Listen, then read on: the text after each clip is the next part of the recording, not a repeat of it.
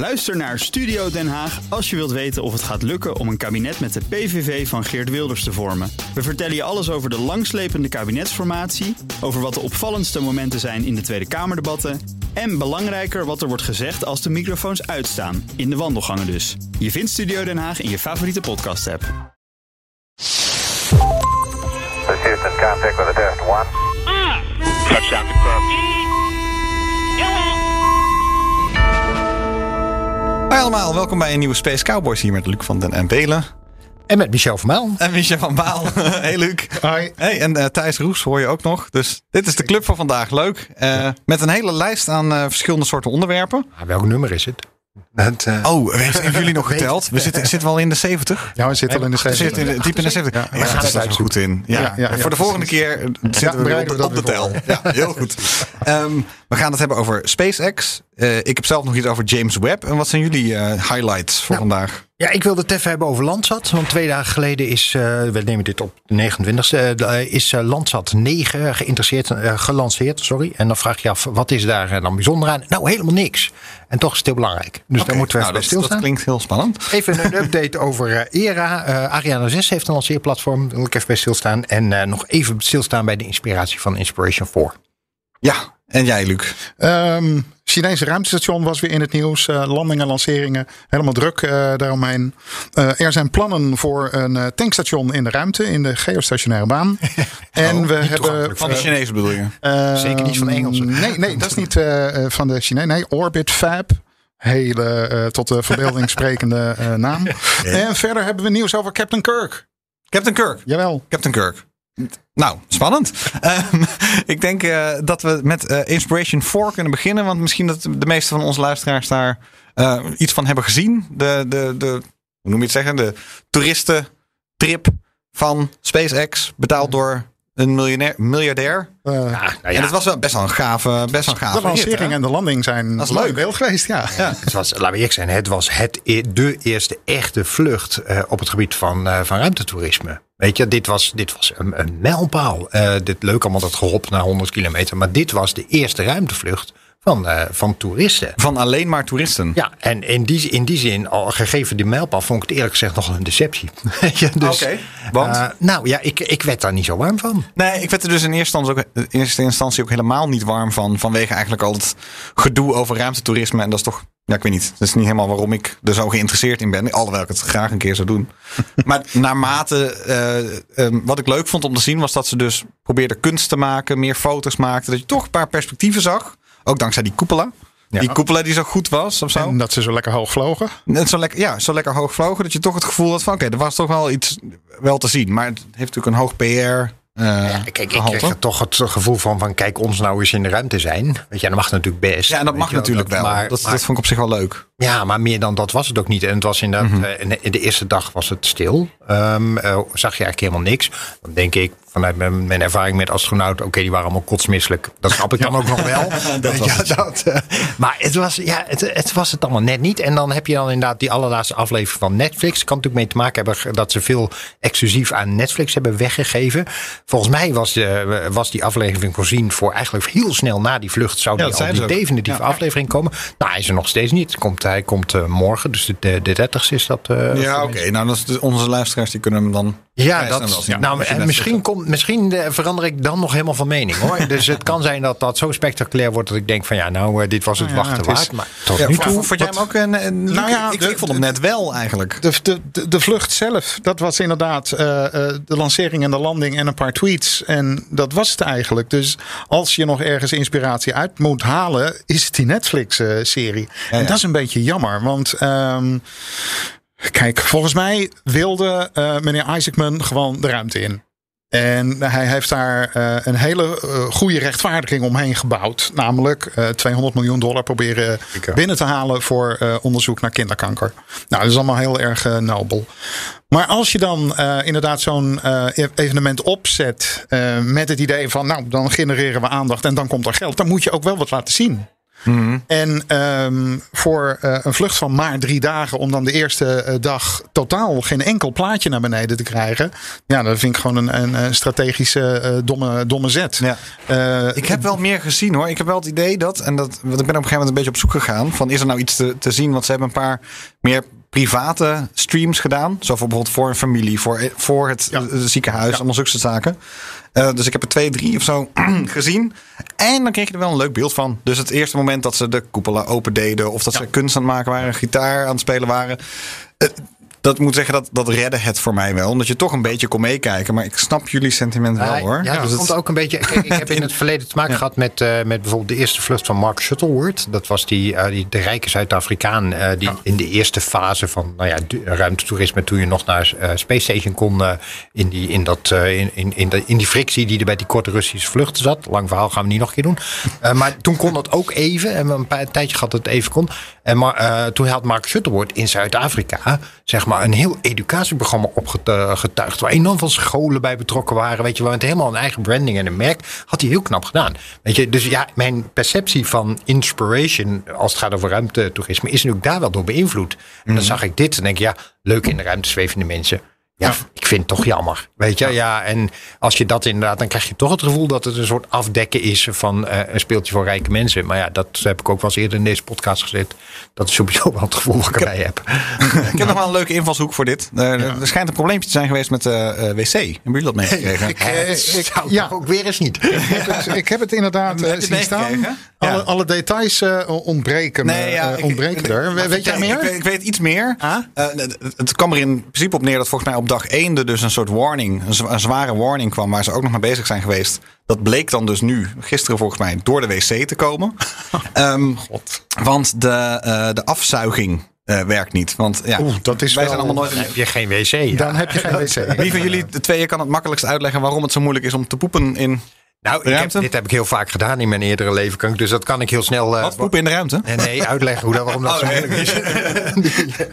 Even de- details zijn belangrijk. Ja, even voor de, voor, de, voor de mensen die niet in deze materie zitten, hoe een ruimte-wc werkt. Je hebt, eh, je hebt twee opties, zeg maar, voor het, de grote boodschap en de kleine boodschap. De kleine boodschap is een buis, inderdaad, waarbij je een tuitje hebt en daar, daar moet je dan in plassen. En dat wordt dan afgezogen, eh, waarbij eh, je je eigen tuitje heel erg goed moet bewaren, dat je niet verwisselt met andermans tuitje. Eh, dus dat is één probleem. En het tweede eh, essentie van de, voor de grote boodschap is eigenlijk vaak een centrifuge met een soort geperforeerd zakje, waar het dan in terecht komt. Eh, en dat wordt dan, moet je dan even netjes dichtknopen, weg, eh, wegbergen. En dat wordt dan centraal verzameld en verbrand in de, in de atmosfeer. Zo werkt dat op Space Station. Dus het, dit dit is, moet ook in. eh, Niemand weet hoe die op Dragon werkt, want dat vertellen ze je niet. Nee, dat is niet verteld. Nee, Nee, dat, dat dat, moet hele-. Dat hele- heel rudimentair is. En volgens mij is maar één ruimte ook. Dus je hebt ook Ja, niet echt... nou, het, ja, het meest idiote is dus dat. ehm, eh, er zijn op foto's inderdaad eh, aanwijzingen gevonden van waar dat ding zit. Ja. Dat zit dus rond de koppelinstallatie. Dus als je daar met vier astronauten op een rijtje zit, is dat precies de plek waar je met z'n allen naartoe zit te kijken. Eh, er schijnt dan ook wel iets van een gordijn te zijn. Oké. Gelukkig. Maar ja, Twee mannen en twee vrouwen. het is natuurlijk. eh, eh, ehm, eh, het toiletbezoek levert niet alleen visueel iets op, maar ook qua andere Ja. senses. En die scherm je met een gordijntje natuurlijk niet af. Zeker niet als de Dus- afzuiging nee. dus kapot is. Nee, Nee, nou ja, maar als die afzuiging kapot is, dan kun je er dus niet in plassen. En ik denk dat je dan terug moet naar de backup. En ik vermoed dat de backup de luier is. Nou ja, nou ja de- in, het, in het begin. in het Die begin- details zijn dus niet, niet nee, released. Nee. Nee, in, het begin van de Amerikaanse ruimtevaart hadden ze dus inderdaad gewoon plastic zakken Oh ja. met een plakrandje. Ja, en, En dat dan we- moest je ik- het daar maar in doen. En ik las dus dat dat niet altijd goed ging. Dat er in Apollo 10 Ja. vooral. Toen vlogen de hele tijd dus drollen door de, door de capsule. There's another goddamn turd. Exact. There's another goddamn turd. Dat was de quote, ja. Floating around. Ja. Pak, die- pak die Ja. drol. Eh, dat hadden ze dus blijkbaar, dat is dus wel naar buiten gebracht. Daar hadden ze dus blijkbaar geen last van bij Inspiration 4. Gelukkig Ehm, maar. En ze zijn van tevoren eh, op een soort survival tocht gegaan hè, met z'n allen. Dus ze zijn met, eh, waar ze voornamelijk behoefte aan hadden was kindness. Dus ze moesten voornamelijk zo vriendelijk mogelijk naar elkaar zijn. En, maar Ja. niet... ehm, Ja, dit hou je ook gewoon drie dagen vol, weet je wel. Drie dagen moet het wel lukken. ja, Maar, precies. Maar, langer eh, dan dat wordt het... Ik, ik had zoiets van, ja, daar zou, ik, daar zou ik nou niet direct voor tekenen voor drie dagen. Want ik heb dan het idee dat ik pas na de landing eh, de misselijkheid kwijt zou zijn. Eh, maar ja, een, een, een week met zo'n eh kampeertoiletje is misschien ook wel weer een beetje veel gevraagd. Net als Lowlands, dan eh, breken er ziektes uit na vier, dagen, weet je wel. Ehm, maar eh, even, jullie hebben het over die misselijkheid. Als je eenmaal in die baan zit, eh, zou je dan nog steeds eh, misselijk worden? Ja, vaak wel. Meestal, Een van de redenen vroeger dat, eh dat Soyuz er zo lang over deed in het verleden om naar Space Station te gaan, naar een ruimtestation te gaan. Ze had wat twee dagen eh, tussen. Dat is technisch helemaal niet nodig, doen ze tegenwoordig ook niet meer.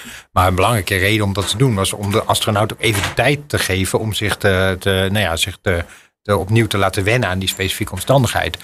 Waar nog bij komt dat Space Station naar verhouding heel groot is. Eh, en het schijnt dat als jij eh, zeg maar heel snel naar Space Station wordt gebracht en je gaat meteen die enorme ruimte, die heel desoriënterend is met allerlei boven- en onders, weet je, dat het dat versterkt. Dus dat het handig is om even te kunnen wennen aan die omstandigheden. Weet je? Ja. Dus de meeste astronauten, ja, als je ze ziet, als je ze een beetje kent. En je ziet ze op dat, dat eh, interview met welkom weet je, op het scherm. Dan zie je dat ze er vrij blikjes uitzien. Weet je? Dat- en je lichaam moet ook zich aanpassen. Want die vochtbalans is anders. Weet je? Ja, Dat het bloed gaat omhoog. Je benen zijn dun. Dus Voor voldoende aanleidingen om je niet erg feestelijk te voelen. Ah, ja, dus de meeste astronauten voelen zich niet zo heel lekker.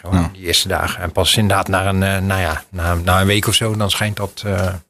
Nou, we zullen bij Inspiration 4 zien of ze er aandacht Ja, aan besteden bij, eh, bij Netflix. eh, Ja, dat is in de Netflix docu. Nou, ik ga hem kijken, denk ik. En, eh, Misschien ben je toch nog zeg ik, inspired. Misschien zeg ik daarna toch sorry. Ja, precies. precies zo goed. Nou, dan zie ik weer allemaal mooie velletjes voor jou liggen, Luc. Zullen we even gewoon uit de grote grabbelton bij Luc even... Ja, verhaal- precies. verhaal Nou ja, als we het toch over eh, eh, een beetje bleke ruimtereizigers eh, hebben. Ehm, de Shenzhou 12 bemanning is teruggekeerd op 17 september. Na een verblijf van 92 dagen in het Chinese ruimtestation. Het Chinese ruimtestation. Dat ging allemaal goed. Even, maar- even voor wie het niet helemaal ge- gevolgd heeft. Er is dus een extra nieuw Chinees ruimtestation boven, naast ISS. Ja, precies. Eerste onderdeel daarvan is in april eh, gelanceerd. Ehm, ontwerp lijkt ontzettend veel op eh, dat van de Mir, Russisch ruimte, het Sovjet-ruimtestation uit de tweede helft van de jaren 80. Ehm, en eh, dit ding gaat ook uitgebreid worden met allerlei extra modules. Eh, eh, nou, de bemande eh, Shenzhou-capsule kan eraan koppelen en ook de onbemande Tianzhou eh, eh, ruimtevrachtvaarder eh, kan daar naartoe. Ehm, nou, dit was voor het eerst dat ze zo'n lange vlucht eh, eh, hebben gemaakt. Ehm, maar die landing is toch een beetje gek verlopen. Ehm, wat direct zichtbaar was eh, bij de landing, was dat de capsule ontzettend heen en weer slingerde om zijn parachute. Ehm, verder eh, eh, had er iemand gerapporteerd dat een van de eh taikonauten, zoals ruimtevaarders in China worden genoemd, heeft gezegd van de G-krachten zijn heftiger dan de vorige keer. En ehm, door dat slingeren onder die parachute kwam de capsule ook een beetje onder een hoek terecht, waardoor de eh, remraketjes niet optimaal functioneerden. En ze dus behoorlijk hard zijn neergekomen. Oh man. En dat was te zien eh, in eh, ehm, eh, de plaatjes na de landing. Ze worden dan altijd keurig in mooi vormgegeven stoeltjes gezet. En van eentje dacht ik van, leeft hij nog wel? Want hij zat scheef in zijn stoel, bewoog totaal niet. En nou, er werden plegmatig wat, eh, wat tekstjes eh, opgezegd eh, voor de verzamelde pers daar. Maar ehm, Staan ze op die foto hier? eh, ja, nou ja, het, het opvallende is dus ook dat ze ehm, eh, direct eh, zijn, zijn teruggevlogen naar, eh, naar Peking. En zelfs het vliegtuig zittend op stoelen zijn uitgedragen. Dus eh, ze zijn niet in, Maar in ze zaten ook een paar goede- maanden natuurlijk. Dat wel, maar wel, ja, ik, dat- ehm, kijk, als je, als je ziet hoe goed ze van alles hebben gekopieerd. Eh, het meerdere ruimtestation, eh, de Shenzhou, eh, de bemande capsule, is eigenlijk een iets grotere versie van, van de Soyuz. Ze hebben ontzettend goed rondgeshopt in kennis op het gebied van, van ruimtevaart.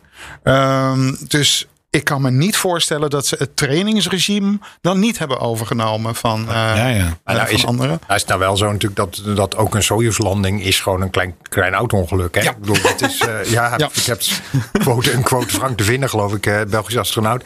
Nee, dat is best een klap, weet je wel. Dus ook als het goed gaat, is het al een klap. Ja. Eh, dus ja, als het niet goed, als het, als het onhandig gebeurt, weet je, of, of het gaat inderdaad slingerend, ja, dan is het zeker een forse klap. Ja, precies. Dus, Ze zitten er een beetje onbeholpen bij. Alsof ze met z'n drieën in een soort rolstoel in de woestijn eh, zitten Ja, daar. ja, ja, precies, inderdaad. Nou ja, goed, dat, dat is 12. eigenlijk het, eh, het enige smetje op het, eh, op het hele verhaal. Verder is alles goed gegaan. Ehm, voordat ze definitief terugkeerden, ehm, eh, heeft de commandant het eh, ruimteschip eerst van de voorkant losgemaakt, is omgevlogen naar een andere koppelpoort aan de onderkant om daar een, een naderingstest eh, te doen.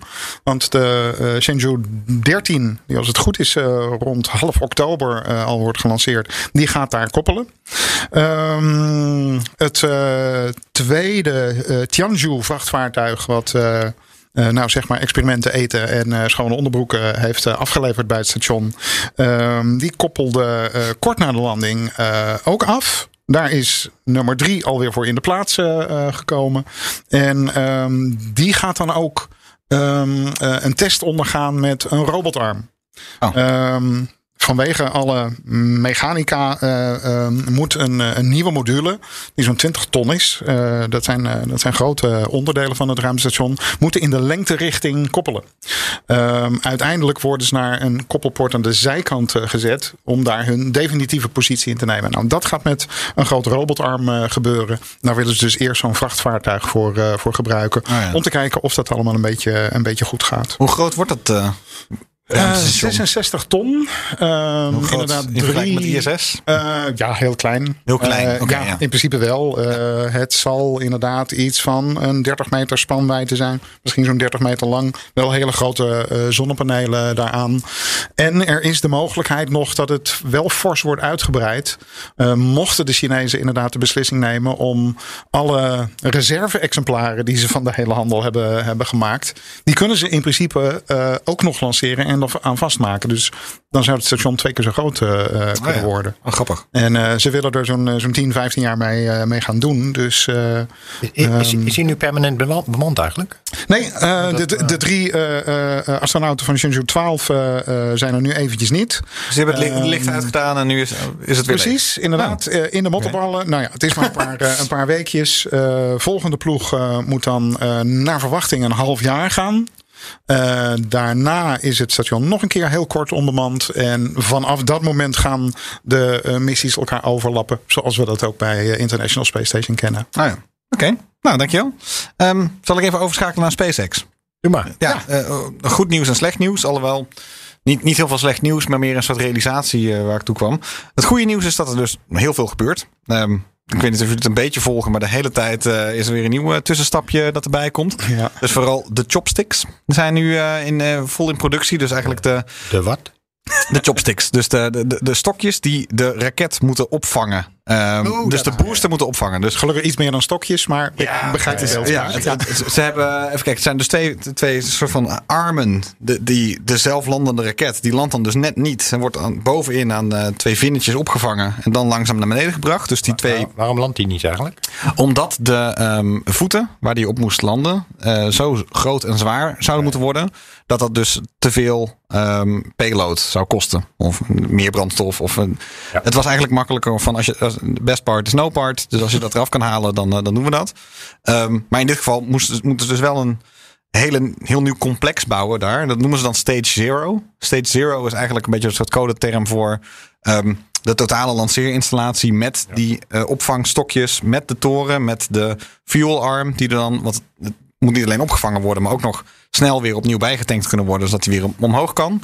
Dus die arm of die, ehm, de, die, die tankinstallatie zijn ze ook mee bezig. Ehm, maar waar ik misschien een beetje dacht, want ze zijn nu ook bezig om die booster te ontwikkelen. En eh, het nieuwe Starship dat er dan bovenop komt, dat is dan SN20. Ehm, nou, die moeten allemaal gaan vliegen. Die gaan ook de komende. Er is wel eens gezegd eind september misschien de eerste test. Nou, dat gaan, gaan ze niet meer redden morgen. Welk jaar? precies. En ehm, eh, nu gaan ze wel met die tests beginnen. Maar bijvoorbeeld Booster 4 lijkt dan waarschijnlijk de eerste te zijn die wel een echte vlucht kan gaan maken. Maar die wordt bijvoorbeeld geland. Of een soft landing in de oceaan krijgt hij. Waarschijnlijk ook zelfs S20. Dat die ook in de oceaan erachter eh, wordt geland. Dus de eerste keer dat we daadwerkelijk die stokjes in werking zien. En die hele toren en zo. Kan maanden, misschien wel een jaar duren omdat, ehm, ja, ze willen natuurlijk absoluut niet dat dat hele stage 0, dat het helemaal opgeblazen wordt op het moment dat ze één keer een test, landing eh, gaat. Nee, dat zou dat één keer een test doen. Dus ik zat een beetje zo smachtend van, nou, het is september, het moet toch langzaam wel gaan gebeuren. En er gebeurt de hele tijd wel iets. Ehm, maar echt in vol ornaat zien we de komende maanden absoluut nog niet eh, het vliegen. En, de ontploffingen worden niet zo groot. Ik ben ook groot. Daar komt er nog een grote ontploffing aan. Dus ik had van, nou, als het dan misgaat bij stage 0, dan krijg je werkelijk prachtig vuurwerk. Eh, maar ze, dat, ja, dat kost veel. dus ze willen liever niet dat dat gebeurt. Dus ehm, ik denk dat de eerst, het eerste om naar uit te kijken, denk ik toch gewoon de, de ontwikkeling van de booster zelf is. En eh, waar ontzettend veel motoren onder hangen ook. Ja. En eh, dat dat ding in ieder geval eerst maar eens vliegt. En dan de oceaan landt. Dat een paar keer doen. Dan SN20 erbo- erbovenop en zo. Dat ze dat Nou ja, eerst maar doen. En dan komen pas naar die Het verbaasde mij Ja. inderdaad dat ze ehm, gelijk hebben besloten om eh, de hele toestand in één keer eh, te testen. De booster met Starship eh, erbovenop. Eh, ik had inderdaad verwacht van nou, eh, ga eventjes wat, eh, wat hoppen met de booster. Zoals jullie dat met heel veel ontwikkelingen hebben, hebben gedaan. Ehm, Jij wat- weet, de eerste test proberen ze met SN20 en Booster 4. Hè? Dat was volgens Ja. mij de. Ja, Ja, dus in één keer. Ja. Hetgene wat mij nu de meeste zorgen baart, is dat er de afgelopen dagen zijn er een paar tests geweest met eh, SN20. En eh er, Heat tiles, er fladderden er allerlei tegeltjes eh Ja. eh, van af. Ik, eh, Lijkt een groot probleem te zijn. ik heb weinig inzicht en ook niet ontzettend veel kennis over, die, over de techniek die daar precies achter zit. Maar hij is in ieder geval radicaal anders dan dat het bij de Space Shuttle eh, was. Wat ik ervan begrepen heb, is dat ze een soort kliksysteem hebben bedacht. Want ze moeten natuurlijk in hoge mate. Ze moeten er heel veel gaan produceren. Dat is het grote probleem. Dus ze willen geen keramieke tegeltjes met de hand mee, gemaakt. eh, Is dat één, één keer mee en dan vervangen? Of? Nee, het idee is dus dat ze in principe gewoon net mee kunnen. En dat er een soort, wat ik ervan begrepen heb, een soort kliksysteem is. Waarmee ze ze in kunnen klikken. Nou, dat gaat dus nog niet helemaal goed. Nee. Dat, is- dat is één ding. Maar er zit zelfs nog een groter probleem bij. Dat eh, bij die vinnen, die grid fins. Ik weet even niet wat de goede vertaling daarvan is. Dus de, Ja. eh, de plek waarbij ze gewoon op, opgetild moet worden. Daar ergens in het scharnier moet dan dus ook nog hittebescherming komen. En daar zijn ze met dat hele kliksysteem dus helemaal nog niet uit. Dus er liggen en praktische problemen van dat het eigenlijk nog niet goed blijft zitten. En nog onopgeloste problemen over dat, het, dat die techniek nog niet helemaal goed toe te passen is op Nee. sommige seals, zeg maar. Nee, precies. Want het, het kliksysteem, dan, ja, als je dat een beetje met, met, met Lego of met IKEA-bouwsels eh, eh, eh, vergelijkt, dan zit gelijk iets stevig vast. Maar het merkwaardige is dus dat die zeskantige tegels op een pin vastzitten. Op eh, eh, de huid van eh, Starship. Nou ja, als je inderdaad ook naar de ontzettend indrukwekkende hoge resolutiefoto's die allerlei hobbyisten daar maken bekijkt. Je ziet dat het inderdaad een beetje pokdalig is. Het is niet zo glad en strak als dat bij de, bij de shuttle was. En ja, als er bij wat pressure tests al hitteschildtegels afvallen. Wat gebeurt er dan als je straks met tienduizenden kilometers per uur de aardatmosfeer binnen, binnenkomt? Ehm, ik hoop dat ze het goede ontwerp te pakken hebben, maar Ja, dat, ik ben niet helemaal overtuigd. En het, het, het ingewikkelde hieraan is natuurlijk dat, eh, dat re-entry is echt uh, way meer ingewikkeld dan lanceren. Weet je, je hebt het, het, het, het fijne van lanceren is dat je met langzaam begint in het dichtste deel van de atmosfeer. Weet je, dus dat je gaandeweg je, je snelheid opbouwt, kom je ook in een lagere luchtdruk terecht, zeg maar. Dus minder lucht. En bij re-entry is het precies andersom. Weet je, en dat, dat maakt het inderdaad als je met zo'n eh, ja, met, een- met een orbital snelheid de atmosfeer weer inkomt. Ja, je, je met al die plasma dat dan al gaat ontstaan. Ja. Nou, het is, eh, ik moet ook wel zeggen dat ik wel, wel naar dat ding keek. Van, denk, kan dat überhaupt qua fragiliteit, weet je? En dat je denkt, nou ja. Aan de andere kant heb ik het heel vaak gedacht bij SpaceX en uiteindelijk werkt het. ja, precies. Ja, precies. Wel bij de Die, eh, SpaceX eigen natuurlijk. van de wel. twijfel. Maar dit, het, het is echt een. Eigenlijk is dit volgens mij nog het moeilijkste probleem dat ze moeten tackelen. Het lijkt wel, hè? Ja, remmen is altijd lastiger dan, eh, dan lanceren. Lijkt Ja, bij de ruimtevaart zeker. Ja. Ja. Ja, precies.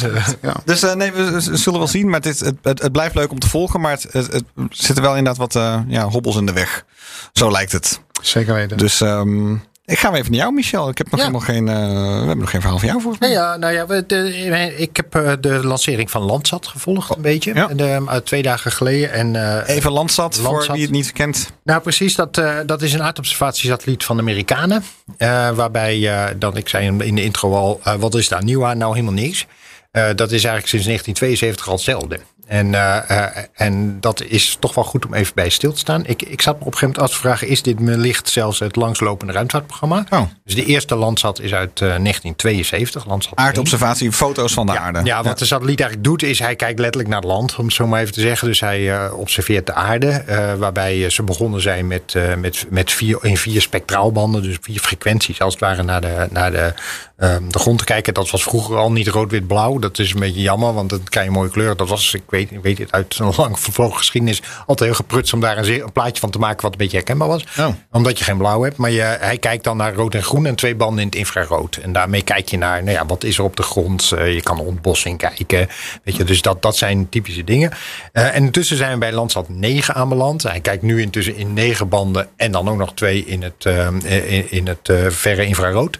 En dus elke Ja, Landsat-satelliet is een eigen satelliet. Elke die- een satelliet. En, en samen vormen ze het project Landsat? Ja, de, eigenlijk ze overlappen elkaar telkens. Dat je, eh, dat je, per, dat je eigenlijk continu data hebt. Want de, hier, hier, dit is, en dat, eh, dat is ook al een goede reden om er even bij stil te staan. Dit is de kwetsbaarheid van, het, eh, van de ruimtevaart in het algemeen. Ruimtevaart heeft natuurlijk een, een bepaalde mate van innovatie. We willen, wij ruimtevaarttechneuten willen telkens iets bouwen wat beter is. Weet je, en daar worden wetenschappers heel zenuwachtig van. Die willen niet iets wat beter is. Die willen continu kunnen kijken naar hetzelfde. Weet je, dus dan, eh, nou is Landsat 9 overigens wel, dus wel beter dan Landsat 1. Maar het is in feite een heel continue. We doen, we doen al sinds 1972 eigenlijk hetzelfde. En op die manier kun je, eh, kun- heb je eigenlijk een enorme dataset van wat er op de aarde allemaal verandert. En dat gaat niet alleen over bebouwing en ontbossing en zo, maar ook over eh, bijvoorbeeld hydrologie. Dus hoeveel water zit er in de grond, weet je. Dus, hoe, dus je krijgt enorm veel klimaatdata. waar, waarbij het juist zo belangrijk is dat we daar niet te veel in vernieuwen. Eh, en dat is de Achilleshiel oh ja, van tuurlijk. Je Ja, moet kunnen vergelijken van de Ah, data van tien Ja. jaar geleden met die van nu. Ja, en daarom moeten we toejuichen dat dat saai is. Je, En dat daar eigenlijk, nou ja, het, het wordt dus wel beter. Kijk, de resolutie van Landsat 9 is eh, ongeveer 30 meter. Dus één kanaal waarop die eh, zwart-wit als het ware op, in- op 15 meter kan, kan kijken. Maar dat is voor een aardsatellite eigenlijk helemaal niet zo goed hoor. Want er zijn commerciële pa- partijen die al een meter halen. Je. Dus het is, en wat de militairen kunnen, dat wil je helemaal niet weten. Dat mag je ook niet weten. Dat, eh, eh, maar maar dat, is, dat is nog orde van grootte beter. Eh, maar die, ehm, ehm, hoe heet het? Maar dat we, dat we dit gewoon continu zo doen, weet je, dat is wel heel belangrijk. En zoals Landsat 5 las ik ook, dat is wel grappig, uit 1984, is ook de langst, de langst functionerende uh, aardobservatiesatelliet geweest. Dus die is 28 jaar in bedrijf geweest. Nou, dus dat zijn ook wel Goeie investering. van die, ja. Zeker, Nou, toen- toen vroeg ik me wel trouwens meteen af, wat is nou eigenlijk de langst in gebruik, ge- in, in gebruik zijnde satelliet in de ruimte? Hebben jullie enig idee? Wauw. Dat, eh, Nou, Hub- ja, Hubble is toch ook alweer eh, 25 jaar? Langste in de ruimte zijn de satellieten is trouwens Vanguard 1. Dat, die, eh, dat was een testobject op, eh, uit 1958. Maar die, had, die, eh, die, is niet, die is niet heel lang in gebruik geweest. Maar hij is nog wel in de ruimte. Dus dat object dat al het langst om de aarde. Is het niet een of andere stomme tv-satelliet of zo? Of? Nee, het is de, ik, wi- GPS? ik wist het niet, maar het is de Lincoln Calibration Sphere uit 1965. En die wordt, die wordt gebruikt, tot op de dag van vandaag, wordt die gebruikt voor, ehm, eh, voor het kalibreren van radarinstrumenten. Maar dat is eigenlijk een passief ding, hè? Passief ding. Ja, het is gewoon een bol, doet helemaal niks. Maar het wordt nog wel gebruikt. Ja, ja, ja, ik ja, snap het. Ja, grappig zeg. Ja. En het doen. En het, het leuke is om het ook een beetje Europees te maken, is ook nog wel aardig dat eh, dit, dit is dus ook in Europa een probleem. Weet je, dat, eh, eh, dat ESA als organisatie natuurlijk heel erg gedreven wordt vanuit industriepolitiek. Ook de neiging heeft om telkens nog spiffiere uh, aardobservatiesatellieten te kunnen maken. We hadden ooit ERS 1 en 2, die waren dan wel hetzelfde. Daarna kreeg je Envisat, een enorme bakbeest. eh, ehm, Gigantisch apparaat. gigantisch. Ja. Maar op een gegeven moment ontstond dus wel het probleem dat de wetenschappers zeiden: ja, goed en aardig, weet je, maar wij willen reeksen over een lange periode. En daardoor is dat hele aardobservatie nu eigenlijk een beetje door de Europese Unie overgenomen. En, en die doen dan niet zoveel, zozeer de technische innovatie, maar de continuïteit eh, Ja, het Sentinel-programma.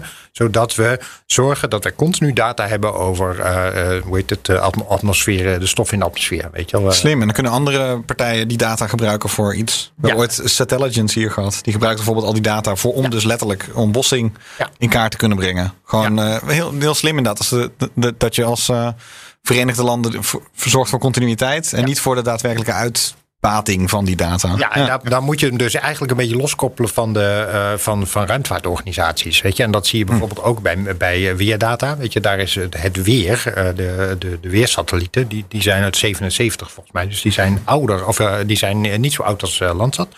Maar het Meteosat-programma zit niet bij ESA, dat zit bij EUMETSAT. Die daar alleen maar voor is om continuïteit in dat programma, te, te, continuïteit in die data te geven. Ah ja. Nou, het is niet zo spannend, maar ik dacht laten we toch Ja, vind hebben. toch wel wel belangrijk. een zeer relevant onderwerp. En nou ja, bovendien, eh, eh, er werd nu wel gezegd van eh, eh, deze lancering, ja, 50 jaar eh, Landsat. En het was ook nog eens de 2000ste lancering vanaf eh, Vandenberg. Ja. Kijk eens. Eh, zoals bijna altijd gestoord door dikke mist eh, eh, die, er, die er hing. Maar er zijn toch Oh, hele mooie daar hebben we foto's van, gehad, ja. van Ja. gemaakt. Ja. Ik heb een keer daarnaast Vandenberg gestaan, wachtend op een Falcon Heavy. Oké. Toen was het ook te mistig. En toen Ja. ging het allemaal niet door. Komt volgende maand trouwens een Falcon Heavy eh, lancering waarschijnlijk. Het is ook een paar, een paar keer uitgesteld. Maar ehm, Ja, precies. in ander relevant nieuws, eh, Luc. Eh, Ja. Captain Kirk. Captain Kirk. oh, jongens. Gaat- Nou, Captain Kirk gaat waarschijnlijk daadwerkelijk de ruimte in. ja, het is ongelooflijk. En het is ook nog niet eh, bevestigd. Dus, Oh, eh, wat- wat- wat- ge- geef ons het laatste nieuws. Breaking Ja. news. Nou, het gaat allemaal om de volgende ontzettend opwindende eh, tocht van eh, Blue Origin. Met Oh. een eh, New Shepard capsule. En ik weet niet wat zij hebben met Nederland of Nederlands klinkende namen. Maar ehm, er zijn twee eh, bemanningsleden voor eh, de vlucht die op eh, 12 oktober moet gaan, eh, gaan vliegen, bekendgemaakt. En dat zijn de welluidende namen Chris Boshuizen en Glenn de Vries. en toch zijn het geen Nederlanders. Nee, Glenn de Eh, Vries, eentje eh, komt er uit Australië. nou, dan zal dat wel een verre nazaat eh, eh, zijn. Maar dat gecombineerd met de eerste vlucht waar Oliver Damon eh een Nederlander Ja, maar Oliver Damon klinkt dan dus weer niet Nederlands. Nee, inderdaad. Dat is, eh, nou ja, goed. ehm, Oké, maar ehm, Captain Kirk, wat gaat hij er doen? nou ja, ehm, het verhaal gaat dus dat William Shatner, de Ja. 90-jarige acteur. Die Nou, dat hij überhaupt nog leeft, eh, vond ik eigenlijk al een eh, ja, nou verrassing. ja, maar de man ziet er ook totaal niet uit als 90. Dat, eh, eh, dat is het idiote. Hij ziet er echt jong uit. Nou, ik denk ik dat zijn eh, toepetje daar ook iets mee te maken heeft. Want volgens mij, als je 90 bent, heb je niet meer zo'n bruine haardos. Maar niettemin, eh eh, hij zou op de lijst eh, staan om, eh, eh, om mee te gaan. Ja, ehm, eh, dat zal zeker in Amerika natuurlijk wel eventjes de headlines eh, eh, halen. Maar dan ben ik ook wel benieuwd van oké, en de derde en de vierde en de vijfde vlucht. eh, wie gaan jullie dan aan boord slepen om er nog camera's op te krijgen? Want ja, dat zal niet. eh, Misschien niet is de veel meer- conclusie dat we eens moeten ophouden. Omdat we snel moeten gaan ophouden om hier belangstelling voor te hebben. Ja, oké. Maar volgende. Maar nu nog Ja. nee, nee, inderdaad. Eerst Captain Kirk zien, eh, zien vliegen en dan, eh, nou ja, niet Ik sterven. denk dat er wel maar gewoon vrij, ja, ik denk dat er vrij veel van die, van die bezelsvluchtjes gaan komen waarvan je denkt, oké, weer, weer iemand de lucht in. Ja. Tom Cruise eh, zou ook nog gaan, we hebben ook al een tijdje Nee, iets nee, ja, maar die zou een film maken. Maar dat, eh, Maar daar hebben we niks meer gehoord. Niks. Nee. Nee, het, nou ja, het, het, Nee, hij, schijnt, gaat hij hij schijnt de financiering niet, eh, niet rond te krijgen. En ja, hij gaat het dus eh, eh, afleggen tegen, jawel, de Russen. Ehm, die gaan op eh, 5 oktober eh, met een eh, Soyuz naar eh, het internationaal ruimtestation. Dan niet om daar een verse bemanning af te leveren, maar om een eh, Russische actrice en een cameraman slash producent slash make-up eh, eh, specialist. Ja? Ehm, drie kwartier materiaal te laten opnemen voor één film. Gaaf. Ehm, Dus, dus zij krijgen de primeur. eh, ja, de Russen. ze hebben het heel snel georganiseerd. Ik, Ja. ik had hem ook op mijn lijstje staan, om een andere reden. Maar dan kom ik zo nog even op terug. Nou ja, doe maar. Film, eh, nou, het heeft, het heeft ook te maken met ERA, onze robotarm namelijk. Ehm, eh, op een eh, bepaalde manier. Je, even de, de updates hadden eh, afgelopen weken hadden, stond op de planning om die ERA een power-up te geven. Dat betekent eigenlijk dat je een ding aanzet. Terwijl die nog gewoon onder zijn blanket, hij zit onder een beschermdeken aan de buitenkant. Je laat hem gewoon lekker zitten, maar je zou voor het eerst aangaan om te kijken nou of hij dan goed reageert, et cetera. En dat is niet gelukt. En dat ligt niet aan ERA overigens, maar aan het probleem met het computernetwerk van, van Nauka. Waar ze problemen hebben met bus 14. Nou, vraag mij niet wat bus 14 Die is precies altijd te laat, bus 14. Bussen in computersystemen, dat, eh, dat zijn ehm, eh, verbindingen tussen, tussen verschillende stukken. En blijkbaar is er eh, die bus 14, die werkt dus blijkbaar niet goed, die heeft geen stroom. En dat zou te maken kunnen hebben gehad met de docking aan Zvezda. Eh, want bij die docking eh, eh, van Nauka aan Zvezda is één verbinding niet gelukt. En die, eh, eh, dat is de verbinding waar deze bus ook op zit. Alleen er is een backup, dus dat zou het probleem eigenlijk niet moeten zijn. Maar desalniettemin, het werkt niet. Weet je, dus daar hebben ze een probleem. En blijkbaar ehm, kunnen ze dat nu niet oplossen. Misschien dat er een, eh, een, een, een, sp- een spacewalk voor nodig is om, de, om, om dat op te lossen. Dat Maar een het kabeltje buiten om te leggen. Ja. Ja, zoiets om te kijken wat daar, eh, wat daar aan de hand is. Maar dat kan niet op dit moment. En dat komt vanwege die actrice, Kim Shapenko, die komt. Dus ze kunnen pas eh, nadat, die, da- nadat de filmploeg weer weg is... Kunnen ze, het kunnen tijd ze verder ruimtewandeling. oplossen. Ja. dus, dus onze era wordt in de weg gezeten door deze vrij waardeloze film... die het waarschijnlijk gaat worden. Ja, ja, Oké, precies. nou. Nou, ja, dit, eh, Weer het vol- volgende onderwerp. We zijn even met de kortjes bezig. Ja, Ja, precies. ja, heel goed. Heel eh, goed. nou, serieus eh, dan, eindelijk. Nou, dit was heel serieus. Ja, nee, dat ja, de Ja. een onderwerp. Ehm, even bijtanken in de ruimte. Het, eh, het, het lijkt er toch eh, van te, te gaan komen. Eh, Orbit Fab. Ik moest gelijk aan de Thunderbirds eh, eh, denken. Heet het eh, bedrijf die plannen heeft om inderdaad een tankstation in de geostationaire baan te parkeren. Zodat de dure satellieten die daar onze communicatie verzorgen, ehm, niet hoeven worden afgeschreven als de benzine op is. En dat is natuurlijk eigenlijk best een, een heel goed idee. Ehm, ehm, ja, de- dat idee van herbruikbaarheid, dat is sinds SpaceX natuurlijk een ontzettend hot topic eh, geworden. Dus vandaar dat er nu echt serieus wordt nagedacht om een, eh, een satelliet die eh, ehm, geen brandstof meer heeft om zijn standregeling eh, te controleren. Ehm, met dat laatste beetje eh, peut wat hij nog eh, aan boord heeft naar eh, dat platform te sturen, te laten bijtanken, weer terug te zetten in zijn baan. En dan kan je weer 15 jaar eh, verder. Scheelt natuurlijk verschrikkelijk veel geld. Ja. Dus niet andersom? Dat lijkt me eigenlijk veel logischer. Ja, dit, Ja, dat dat ding inderdaad zo de rond... enige, de eh, enige plek waar Ehm, dit overigens kan is de geostationaire baan. Hè? Ja. voor de, voor de Ja. goede orde. Ja, Anders je- is het te ver weg, bedoel je? Nou ja, je, hebt, je, je, je moet wel, dat ding moet in hetzelfde baanvlak zitten. En, en eh, als eh, die geostationaire satellieten. En je hebt daar heel veel eh, klantjes die allemaal in dezelfde baan zitten. Je hoeft eigenlijk maar een heel klein beetje omhoog. En vervolgens er even langs en weer naar beneden om, op de, om, om bij een En hoeveel meters hebben we het dan eigenlijk? Nou ja, meestal die, sowieso hebben die dingen een box, zeg maar. Dus al die dingen, ik weet niet helemaal uit mijn hoofd, maar die hebben een box toegeschreven die, waarin binnen je mag bewegen. Dus je satelliet hoeft niet strak op dezelfde plek te blijven hangen. Dat gaat ook niet, dat kost veel te veel brandstof. Dus je mag een beetje naar links, naar buiten, naar boven, naar onder. Dat mag. En zodat je, zo- eh, maar je moet wel binnen die specifieke box van ik zeg misschien tientallen of honderden kilometers, geloof ik, even als ik het moet, zo moet gokken.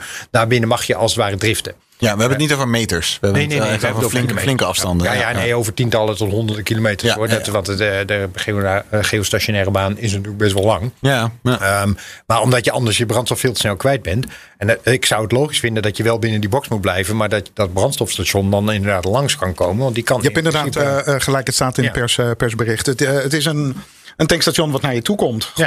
dat, Oh, zou ja? je, dat zou je toch gewoon ook moeten staat, staat er ook in wat die tankt eigenlijk? Oh nee, oké, dus hebben. dat, staat er, dat staat er wel. Hydrazine. Ja. Oeh, oh, ja. Ja, inderdaad. Het is Oeh, goed ja. dat dat onbemand uh, Ja, dat is eh, geen fijn spul. nee. Weer niet hebben. Nee, inderdaad. Nou, wat jij hier beschrijft, dat, dat wordt hier inderdaad ook nog eventjes genoemd. Eh, op het moment dat hij geen klanten eh, langs hoeft te gaan, eh, gaat hij een paar honderd kilometer eh, verderop zitten. Ehm, zit hij niks in de, eh, in de weg en eh, wacht hij tot hij de volgende call krijgt om, Hmm. Ah, ja. om, eh, om iets anders bij te denken. Want als je dus Dus, van boven naar beneden gaat, dan moet je dus ook constant je, je, je koers aanpassen. Want anders dan zwieper je gewoon aan de andere kant weer te hard Ja. de, de, eruit. je moet Ja, constant... dat eh, onderlinge, onderlinge cellen, dat doen ze bij ja, ISS nou ook. Hè. Er was een mooi filmpje trouwens van hoe ze, hoe ze laatst een eh, filmpje wel versneld. Hoe ze een, van de ene kant parkeerpunt eh, via een andere parkeerpunt. kwam even in de show notes. Dat was heel mooi. Ja. Maar je, je kunt door wat lager en wat hoger te gaan zitten redelijk goed die onderlinge snelheid regelen.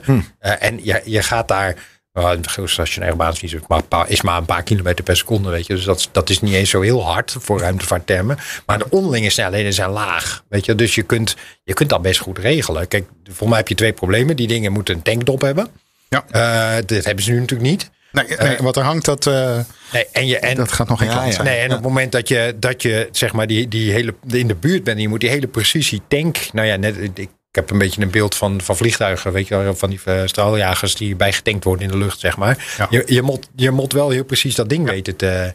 eh, en als je ernaast zit en je maakt die stuk, vraag ik me dan meteen af wie is dan aansprakelijk. Maar. Ja, ja, ja, precies. Nou goed, we hebben natuurlijk eh, wel Northrop Grumman was het volgens mij die een paar tests heeft gedaan met inderdaad eh, eh, gewoon vastklampen aan een, eh, eh, aan, aan een satelliet die eh, ehm, ehm, geen brandstof meer, eh, meer had en die dus die standregeling helemaal over kon, eh, kon nemen. Nou, die, die, die kon inderdaad behoorlijk precies eh die zetten koppelen. dan weer op de juiste plek neer. Dus die Nou ja, die neemt gewoon tankt, eigenlijk de besturing over. Terwijl gewoon de communicatieapparatuur het, het lekker kan, kan blijven doen. Ja, dit is een ander, ander alternatief. Die, die tanktop waar je het over hebt, Michel, die hebben zij inderdaad al ontworpen. Dat schijnt allemaal al in orde te zijn. Eh, ja. ze moeten nu natuurlijk wel satellietbouwers gaan overtuigen van... joh, eh, eh, zet het, eh, het, de tegencomponenten eventjes Ja. op jouw satelliet. Want dan, moet kunnen wij eh, van komen. dienst zijn eh, in de toekomst. Het gaat steeds meer voorkomen natuurlijk bij tanken. Want eh, SpaceX is natuurlijk het onderdeel van het, pro- het programma om eh, verder te gaan. Misschien staat het daar ook te denken om een soort standaard eh, het station inderdaad rond de aarde te laten hebben. Zodat je er altijd kan parkeren, zeg maar. De vraag is wel een beetje, weet je wel, hoe groot het probleem is dat je oplost. Want eh, eh, die satellieten gaan natuurlijk met een bepaalde brandstoftank Ja. daar naartoe. En hebben daar een bepaalde levensduur bij, weet je. Dat, ehm, eh, Eh, de vraag is natuurlijk op een gegeven moment of zo'n satelliet nog de moeite waard is om te herdenken. Of dat de technologie bij telecomsatellieten, want daar heb je het vaak over, de, de, toch weer zo ver is uh, doorgegroeid, zeg maar. Dat je toch liever een satelliet bouwt met nog meer kanalen, nog meer, uh, waar je nog meer geld Ja. mee kan verdienen. Ja. Weet je, en of, dus of dat de moeite waard is, dat is dan nog. Nou ja, een, het is heftig afwachten of de business case er inderdaad eh, eh, Ja, ja. is. Kijk, ze moeten sowieso de partijen zien te overtuigen om dit eh, letterlijk aan boord eh, te nemen. Maar goed, het, het past wel leuk in de initiatieven ook om een beetje eh, op te letten van jongens, eh, laten we niet te veel schroot eh, eh, in, de, in de ruimte hebben. Wat dat betreft ook daarin, ik geloof dat er Japanners waren die bezig zijn, onder andere naast ESA trouwens, met allerlei experimenten om satellieten te, te grazen te nemen en te doen verbranden in, in de atmosfeer. Het wordt hoog tijd dat we daar inderdaad een beetje creatief over gaan nadenken. Ja, maar daar heb je dan in, in- aan dit soort initiatieven, in die, voor dat soort problemen heb je weer weinig. Weet je, want die baan, dan heb je inderdaad met baanvlakken te maken die, nou ja, niet in de, op dezelfde manier draaien. Ja, en als jij in een baan zit die 63 graden over de aarde, weet je, wel, de satelliet die wil bij bijtanken zit in een baan 75 graden de andere kant op, noem maar even wat. dan heb je niks. Dan, dan, ga je nooit bij komen. Ja. Het kost verschrikkelijk veel brandstof. Dus dat, eh, het is alleen de geostationaire baan, is potentieel denk ik een heel goed idee. Ehm, ik wil het nog even over James Webb hebben. Ja, Eh, ik zeg, Michel, je hebt ook nog een handjevol verhalen over. ik eh, ben er wel fan van, ja. Ja, ja. Ik, ik begrijp, we hebben een datum. Ja en we hebben een datum. Ja. Maar wat is het nou? 18, 18 18 december. december. 18 december. Ja, december. dat, dat is inderdaad het grote nieuws. Ja. Want ik zag eigenlijk ander nieuws. Ik wist niet helemaal zeker of dat al bekend was. Maar 18 december, ja, dit- nu is hij natuurlijk al regelmatig op een maand gezet. Hij is nog niet eerder op een dag gezet, volgens mij. volgens mij niet. Nee. Nou, Kijk, heb ik wel eens de, de, de, de logica achter dit soort de, de lanceerdata uitgelegd. Dat, eh, ik heb jaren natuurlijk persberichten gestuurd over, over lanceerdata. En dat, zit, heeft een bepaalde betekenis in. Eh, dit is geheim, hè, voor de goede orde. Mhm. Eigenlijk betekent plat gezegd dat als je een jaar communiceert, dus hij wordt gelanceerd in 24, in 2024, dat betekent we hebben nog geen flauw idee. Weet je, dat is een beetje het punt. Als je eh, dan volgens daarna krijg je het seizoen. Weet je, dus hij wordt ge- gelanceerd in het voorjaar. Dat voorjaar begint in mei en dat duurt ongeveer tot december. Eh, en dan heb je een maand, dat betekent waarschijnlijk niet in die maand, maar ergens in, in een periode van drie maanden. Daarna. En een dag betekent nou zeker niet op de 18e. Dus dat- maar waarschijnlijk ergens in de twee weken daarna. Ja, dat is ja, wat betekent. oké. Maar je zit wel. Dankjewel, dat is wel een goede verheldering. Ja, Ja. zo moet je dat altijd een beetje lezen. Eh, alleen, er is één, één probleempje waar ik toen ik dat 18 december, toen dacht ik wel, oeh, Kerst. kerst. En dat is in Frans-Guyana, nou, ik heb daar een half jaar gewoond. Kerst, Oh ja? ja, rondom, met kerst trouwens. In Frans-Guyana is dat een ding. Weet je, dus je moet dan, eh, potentieel moet je in feite alle verloven gaan intrekken voor mensen die allemaal weer terugvliegen naar Frankrijk. Hm. Om, om daar met de familie kerst te vieren. Weet je, dus over het algemeen proberen ze lanceren rondom de kerst te vermijden. Dus je hebt echt wel een grote kans dat als ze niet voor, nou pak een beetje 23ste, zeg Ja. maar, eruit ziet dat ze een 23ste kunnen halen, dan wordt het volgend jaar. Ja, nou terecht ook. Mensen hebben ook recht op hun eh, Ja. familieleven. Om het zo maar te zeggen. Ja, En ik zag, moet je bij Elon Musk merken.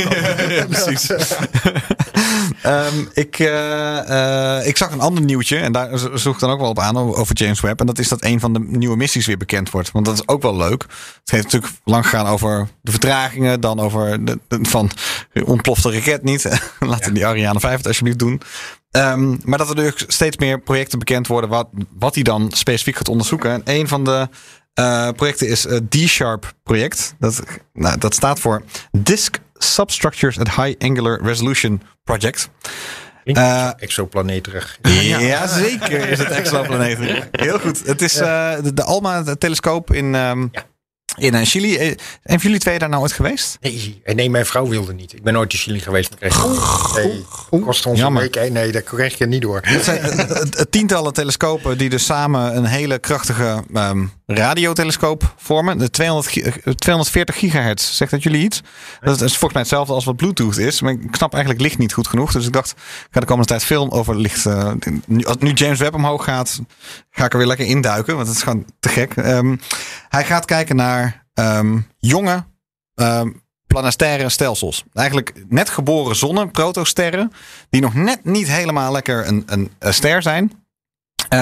Omdat je daar omheen zie je prachtig de planeten zich vormen. Ja. Dus waar we voorheen natuurlijk altijd een soort van theorieën hadden over nou, hoe zou het ongeveer zou gekomen zijn, is dat D-Mark-project op een gegeven moment eh, gaan zoeken van dan kunnen we nog vier jaar geleden, kunnen we nou in vo- zich vormende eh, hoe noem je dat, zonnestelsels. En zich voor met de zonnestelsels substructuren gaan benoemen. Zodat we wat beter weten, goh, wanneer ontstaat er nou een grote Jupiter? Wanneer ontstaat er nou een, een kleine aarde? Allemaal van die verschillende dingen. Dus er zijn al heel veel plaatjes van gekomen. De, van Alma dus. Waanzinnige hoge resolutie. Ik zag een zoom in tot, tot, die, tot die ster. Nou, er bleef maar ingezoomd worden. En dan nog zag je gewoon perfect al om die ster, dus de, in dat zonnestelsel, de, de, de, de banen, de ringen, om het zo maar te zeggen, waar dus planeten aan het ontstaan waren. En we hebben al tien, een paar dozijn van die, eh, van die stelsels, zie je al. En dan zelfs op die foto zag je dan daarnaast, want het gaat dus over een high angular. High angular, dus oftewel dat je er plat op kijkt. Dus je, nou ja, hoe noem je dat? Ehm lood op, loodrecht op kijkt. Ja. Dat je er op de zijkant op kijkt, dan kan je dus die banen niet zien. Nee. Maar op sommige van die foto's zie je dus ook gewoon eentje wel op zijn zijkant. Ja, dat is helemaal. Dat is ook, ook te gek om te zien. Dus de foto's die daarvan dan komen waren al prachtig.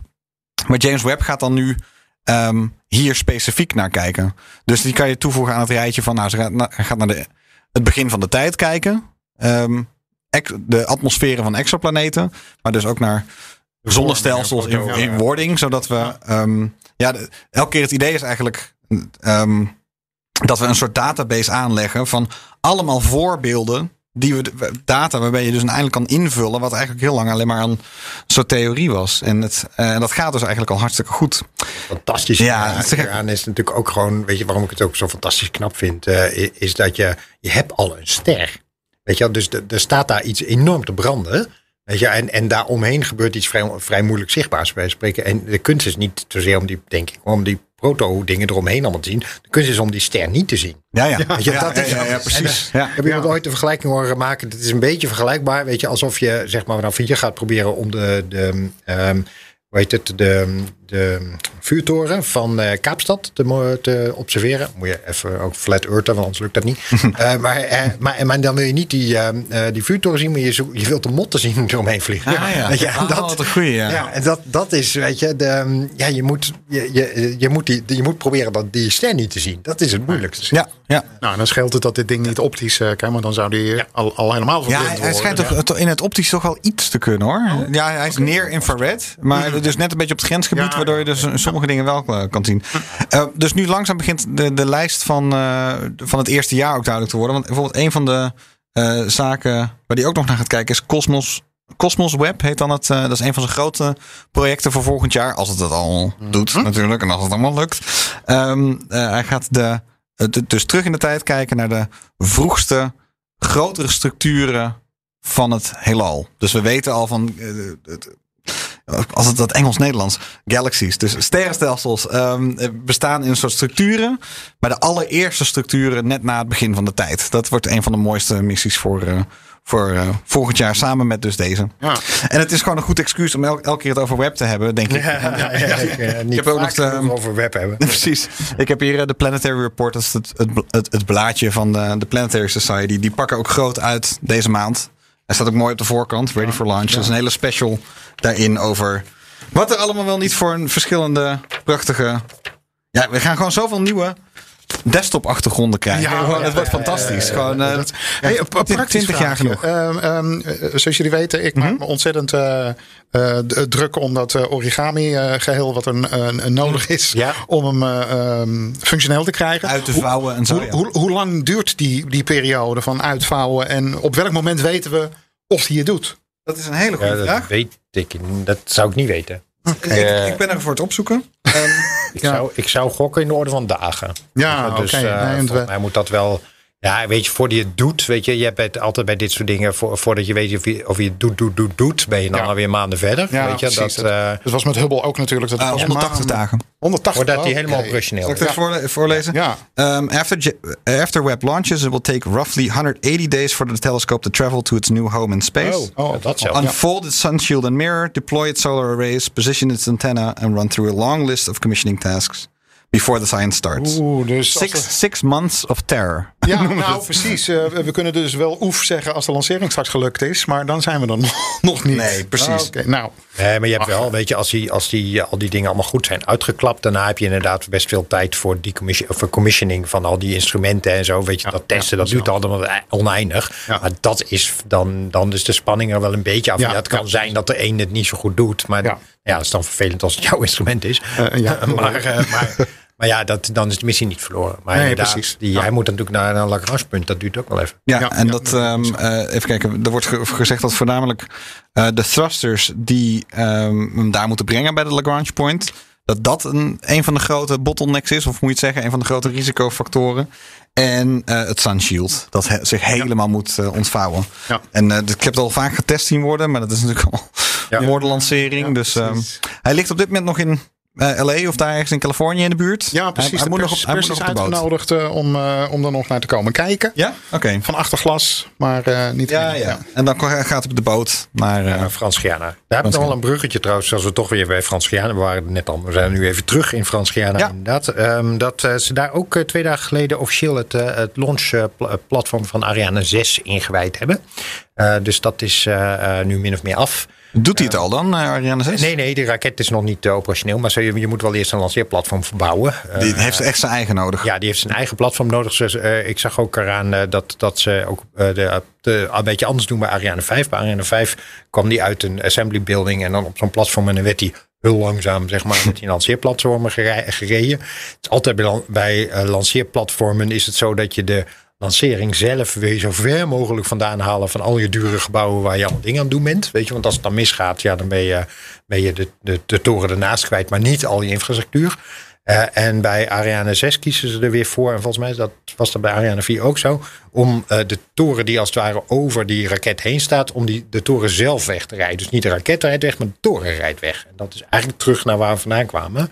Eh, en dat doen ze volgens mij om redenen om het op die manier toch goedkoper te maken. Weet je? Ja. Dus de kosten voor de lancering te. ehm, en ze zijn nu allerlei dingen aan het testen. En een van de dingen die ze aan het eh, testen waren, dat zag, ik zag er een filmpje van langskomen, is het de Deluge System. Eh, dat is wel weer aardig, waar ze heel veel water op, de, op het lanceerplatform spuiten op het moment dat, dat dat ding omhoog gaat. Dat is fascinerend. Weet je waarom ze dat doen? Nee. Ehm, dat is vanwege de akoestische Ja, belasting. ja. Dus eh, de, de belasting, de lawaai wat een raket eh, produceert, is eigenlijk het grootste risico voor een, eh, voor een satelliet. Dus als je een satelliet moet ontwerpen op sterkte, dan is, zijn niet zozeer de trillingen, die ook wel hoor, maar de trillingen die de raket veroorzaakt, maar, maar ongeveer van even, van even grote orde grootte is, is zijn de akoestische belasting op de satelliet. Dus de die eruit komt. En om te voorkomen dat dat lawaai zeg maar, de infrastructuur eromheen eh, beschadigt, dan gooien ze er heel veel water op in de, in de eerste 20 seconden, pak een beetje, of, nee, minder dan 3 seconden. eh, om, eh, de, om die, eh, die, die, wat die, te die geluidstrillingen te dempen. Wa- wat is het verschil tussen een, een trilling en geluid? Nou, je hebt twee soorten trillingen. Je hebt dingen, fysiek gaat natuurlijk trillen. Net als een, eh, als een wasmachine bij spreken die centrifugeert. Gaat, gaat die raket die gaat fysiek trillen. Weet je, Zelf? die, die motoren die, die trillen gewoon door die enorme kracht die erbij vrijkomt. Nou, die trillingen die gaan omhoog via, via de structuur, dus via de raket. Oh. Die komen dan via, nou ja, via de, de houder waar de satelliet op zit, komen ze bij het satelliet. Eh, die geluidstrillingen die gaan als het ware buitenom. Weet je, Ah. die enorme herrie. Die gaat Komt weer terug. Buitenom en die komt, eh, die komt door de lucht bij die satelliet terecht. Ja. En eh, door bij, beide kunnen, kan de satelliet kapot gaan. Ja. ja. Die dringen ook door natuurlijk, ja. Ja, ja. dat was een van de dingen waar eh, NASA een rekenfoutje had eh, eh, gemaakt bij de eerste lancering van de Space Shuttle. Die akoestische eh, effecten waren veel groter. En volgens mij is daar dat grote deluge eh, systeem pas later. eh, Om er water op te Dus, eh, gooien. ja, ja, ja, ja, vaak die enorme torens die ernaast hier staan. Er zit gewoon waterdruk in. Ja, dus dat wordt in één keer wordt dat, eh, op het platform gegooid. En wat is de planning voor Ariane 6? ja, kennen we of- het, is, het is natuurlijk niet hetzelfde. Heb je een jaar, een maand of Ja. een datum? Bij SpaceX Ja. is het grappig dat je kan zeggen van nou, je weet het niet, maar elke paar weken is er wel een volgende stap. En, en dit lijkt meer op een soort traditionele planningsmanier te Ja, zijn nee, dit-. Dit is volgens mij... eh, Wanneer eens kunnen we een even, test verwachten? Laat ik het zo zeggen. Wanneer de eerste lancering is voorzien. Ik zal eens even kijken wat ze zeggen. Het, het, het tweede, eh, het tweede kwart van 2022. Kortom, dus eh, 2023 als ik jou ja, goed voorjaar begrijp. Of 2022 is eh, dan wel begin 2023. Zo, zo zou ik dat ja. inderdaad willen. Maar bij, bij Ariane 6 is natuurlijk een, eh, eh, wat dat betreft, ja, het ding is opgezet om een goedkopere raket te maken. We hebben het al vaker over gehad in deze podcast. Is dat eh, ja, je toch een beetje het gevoel hebt, weet je, dat tegen de tijd dat ding operationeel is, dat die eigenlijk ook alweer verouderd is. Ja. Want ja, herbruikbaar is die voorlopig niet. Ja, en ik weet niet of je daar in 2000, eh, eind 2022 nog mee aan kan komen. En dat krijg je dus nu met heel veel eh, zaken, ja. Ja. ja. Zijn wij door alle nieuwtjes heen eigenlijk? Of, eh, Ehm, of nou, ik, ik, ik Nee, heb nog één dingetje. Nog één- ja, nog eigenlijk half een beetje eh, achterklap. Ehm, Oh. Het is een, eh, ehm, een dictoraat van, eh, van NASA, de Human Exploration and Operation Mission Directorate. Ehm, daar was. Sorry, eh, hun? eh, ja, Een mission directorate, ja. ja, ja, precies. Alles wat eh, bemande, bemande ruimtevaart, ja. ja, alles wat de bemande ruimtevaart eh, eh, betreft, dat, dat zat daarin. Mevrouw Cathy Luders was, eh, was daar de, het hoofd van. En men heeft nu besloten om het op te knippen, omdat het te groot was, is de officiële eh, lezing. Ze hebben het uit elkaar gehaald. Eh, de ene gaat nu echt over ontwikkeling. Dus Artemis, eh, er komen de maanlandingen. Niet zo druk. Nee, precies. En het ander is eh, eh, ISS. Nou, dat is een lopend, lopend project. Spring op de rijdende trein en dat, eh, Oh ja. dat gaat wel goed. Ehm, en ehm, Wat is het achterklap eh, een element? stukje achterklap is dat mevrouw eh Luders op ISS is eh, eh, gezet. En velen zien dat als een demotie. En eh, sommige tongen beweren van ze wordt afgestraft vanwege het selecteren van SpaceX voor de maanlander Zou je denken? als enige contractor. Ik, ik denk het niet. Ik, teken het, eh, eh, het op. Het, eh, het verhaaltje zingt een beetje eh, rond. Ehm, kijk, het is natuurlijk veel minder prestigieuzer om te zeggen: ik ben directeur ISS dan ik ben directeur Artemis. Ja. Eh, Daar zit de toekomst in. En ik, weet niet, eh, ik weet niet wat waar is, maar. ehm, Als je er een beetje cynisch over nadenkt, weet je, eh, directeur ISS ben je, is, is een sterfhuisconstructie. In de zin, ja, uiteindelijk houdt dat op. Weet je wel? Dus, Ja. dus dat is een aflopende zaak, laat ik zijn. Ja, precies. Eh, maar ja, aan de andere kant, het alternatief is ook niet aantrekkelijk. Want Artemis is nou ook niet echt een, Nee, een, een nee, precies. project Een waarvan je denkt. ding. Ja. Hier, eh, nou ja, kijk, het grote probleem wat NASA al de hele tijd volgens mij heeft, is dat ze hebben wel, ehm hoe heet het, de raketten, eh, dus met SLS, daar laten we het vooral daar niet over hebben. Maar Oh, er was iets voor over SLS volgens mij nog. Ja, vertraging volgens mij. Ja, ze hebben natuurlijk wel ze hebben enige infrastructuur, maar ze hebben helemaal geen budget om die, eh, om die, die, Nee. die bemande missies daadwerkelijk te gaan doen. Dus dan heb je straks een raket, ja, gaan we nou doen? Ja, geen idee, hebben we geen geld voor. Weet je, dus dat is het, dat wordt, die funding krijgen ze niet los vanuit de Amerikaanse politiek. De, de powerpoints zijn als het ware gemaakt, maar het congres heeft nog helemaal het geld niet vrijgemaakt. Dus is er eigenlijk helemaal geen project. Ja, dus, en dus kom- moeten ze inderdaad noodgedwongen dan één zo'n contractor voor, eh, eh, voor de ontwikkeling van zo'n maanlander. Dat heeft daar denk ik ook een beetje mee te maken. Dus het, het zijn allebei nou niet echt banen waarvan je denkt, top joppie, ik heb er zin in. Nee. Nee, nou ja, het, het is, ja misschien eh, eh, glijdt die kalender voor alle twee wel, wel even hard. ISS zou formeel in 2024 afgelopen zijn. Het is nu 2028 geworden. Ze hopen het op te kunnen rekken tot 2030.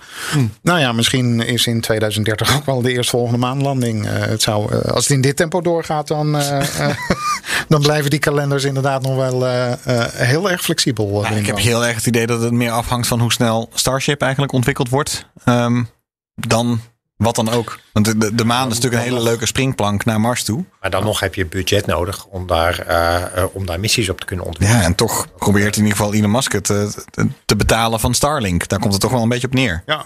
Nou ja, het het- je, zou Ja. echt in een hele interessante situatie terecht kunnen komen. Dat NASA zegt van we kunnen het niet betalen. En dat Mu- Musk zegt maar ik wel. Dan doe ik het wel.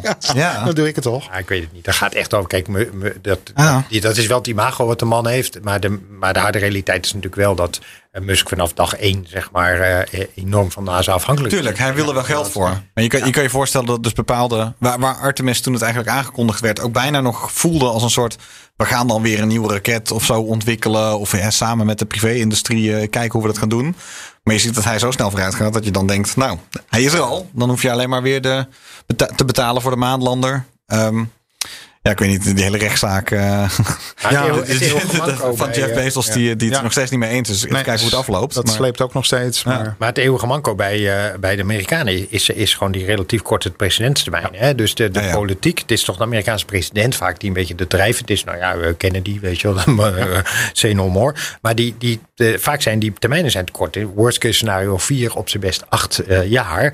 Weet je, en dan komt er een nieuwe president, not invented here. En die gaat, die, die, het eerste wat hij doet, dit en dan weer wat nieuws eh, Ja. op tafel leggen.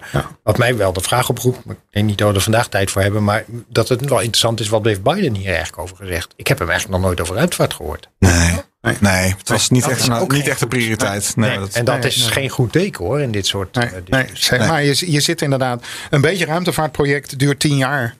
Ja, daar past er 2,5 president in. En als er één eerst zegt linksaf en de volgende rechtsaf, dan, kom je dus nooit ergens. Of Hij heeft, de naam Elon Musk ook nog niet genoemd. Hè? Er was nog een klein relletje of zo van waarom heeft hij überhaupt over Inspiration 4 niks gezegd? Of dat hoeft ook allemaal niet of zo. Nee. Maar het, is toch, het blijft toch een beetje raar dat hij, hij heeft.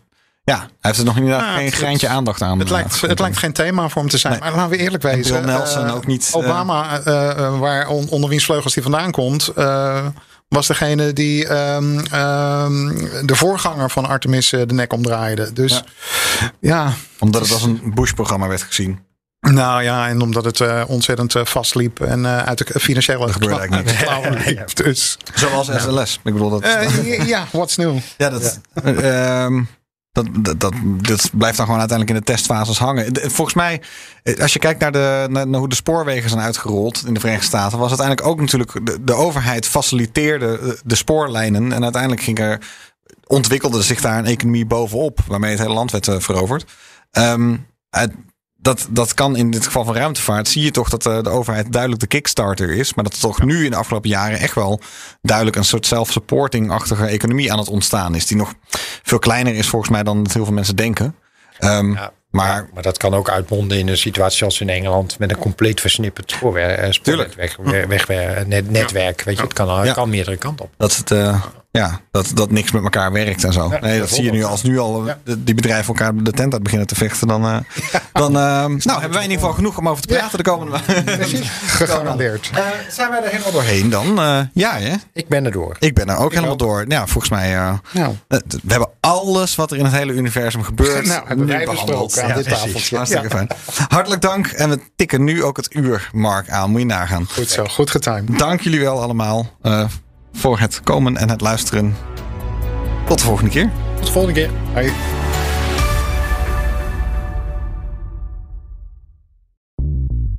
Bij BNR ben je altijd als eerste op de hoogte van het laatste nieuws. Luister dagelijks live via internet. Bas van Werven. En heel langzaam komt de zon op rond dit tijdstip. Je krijgt inzicht in de dag die komt op BNR, het Binnenhof in Nederland en de rest van de wereld. De Ochtendspits. Voor de beste start van je werkdag. Blijf scherp en mis niets.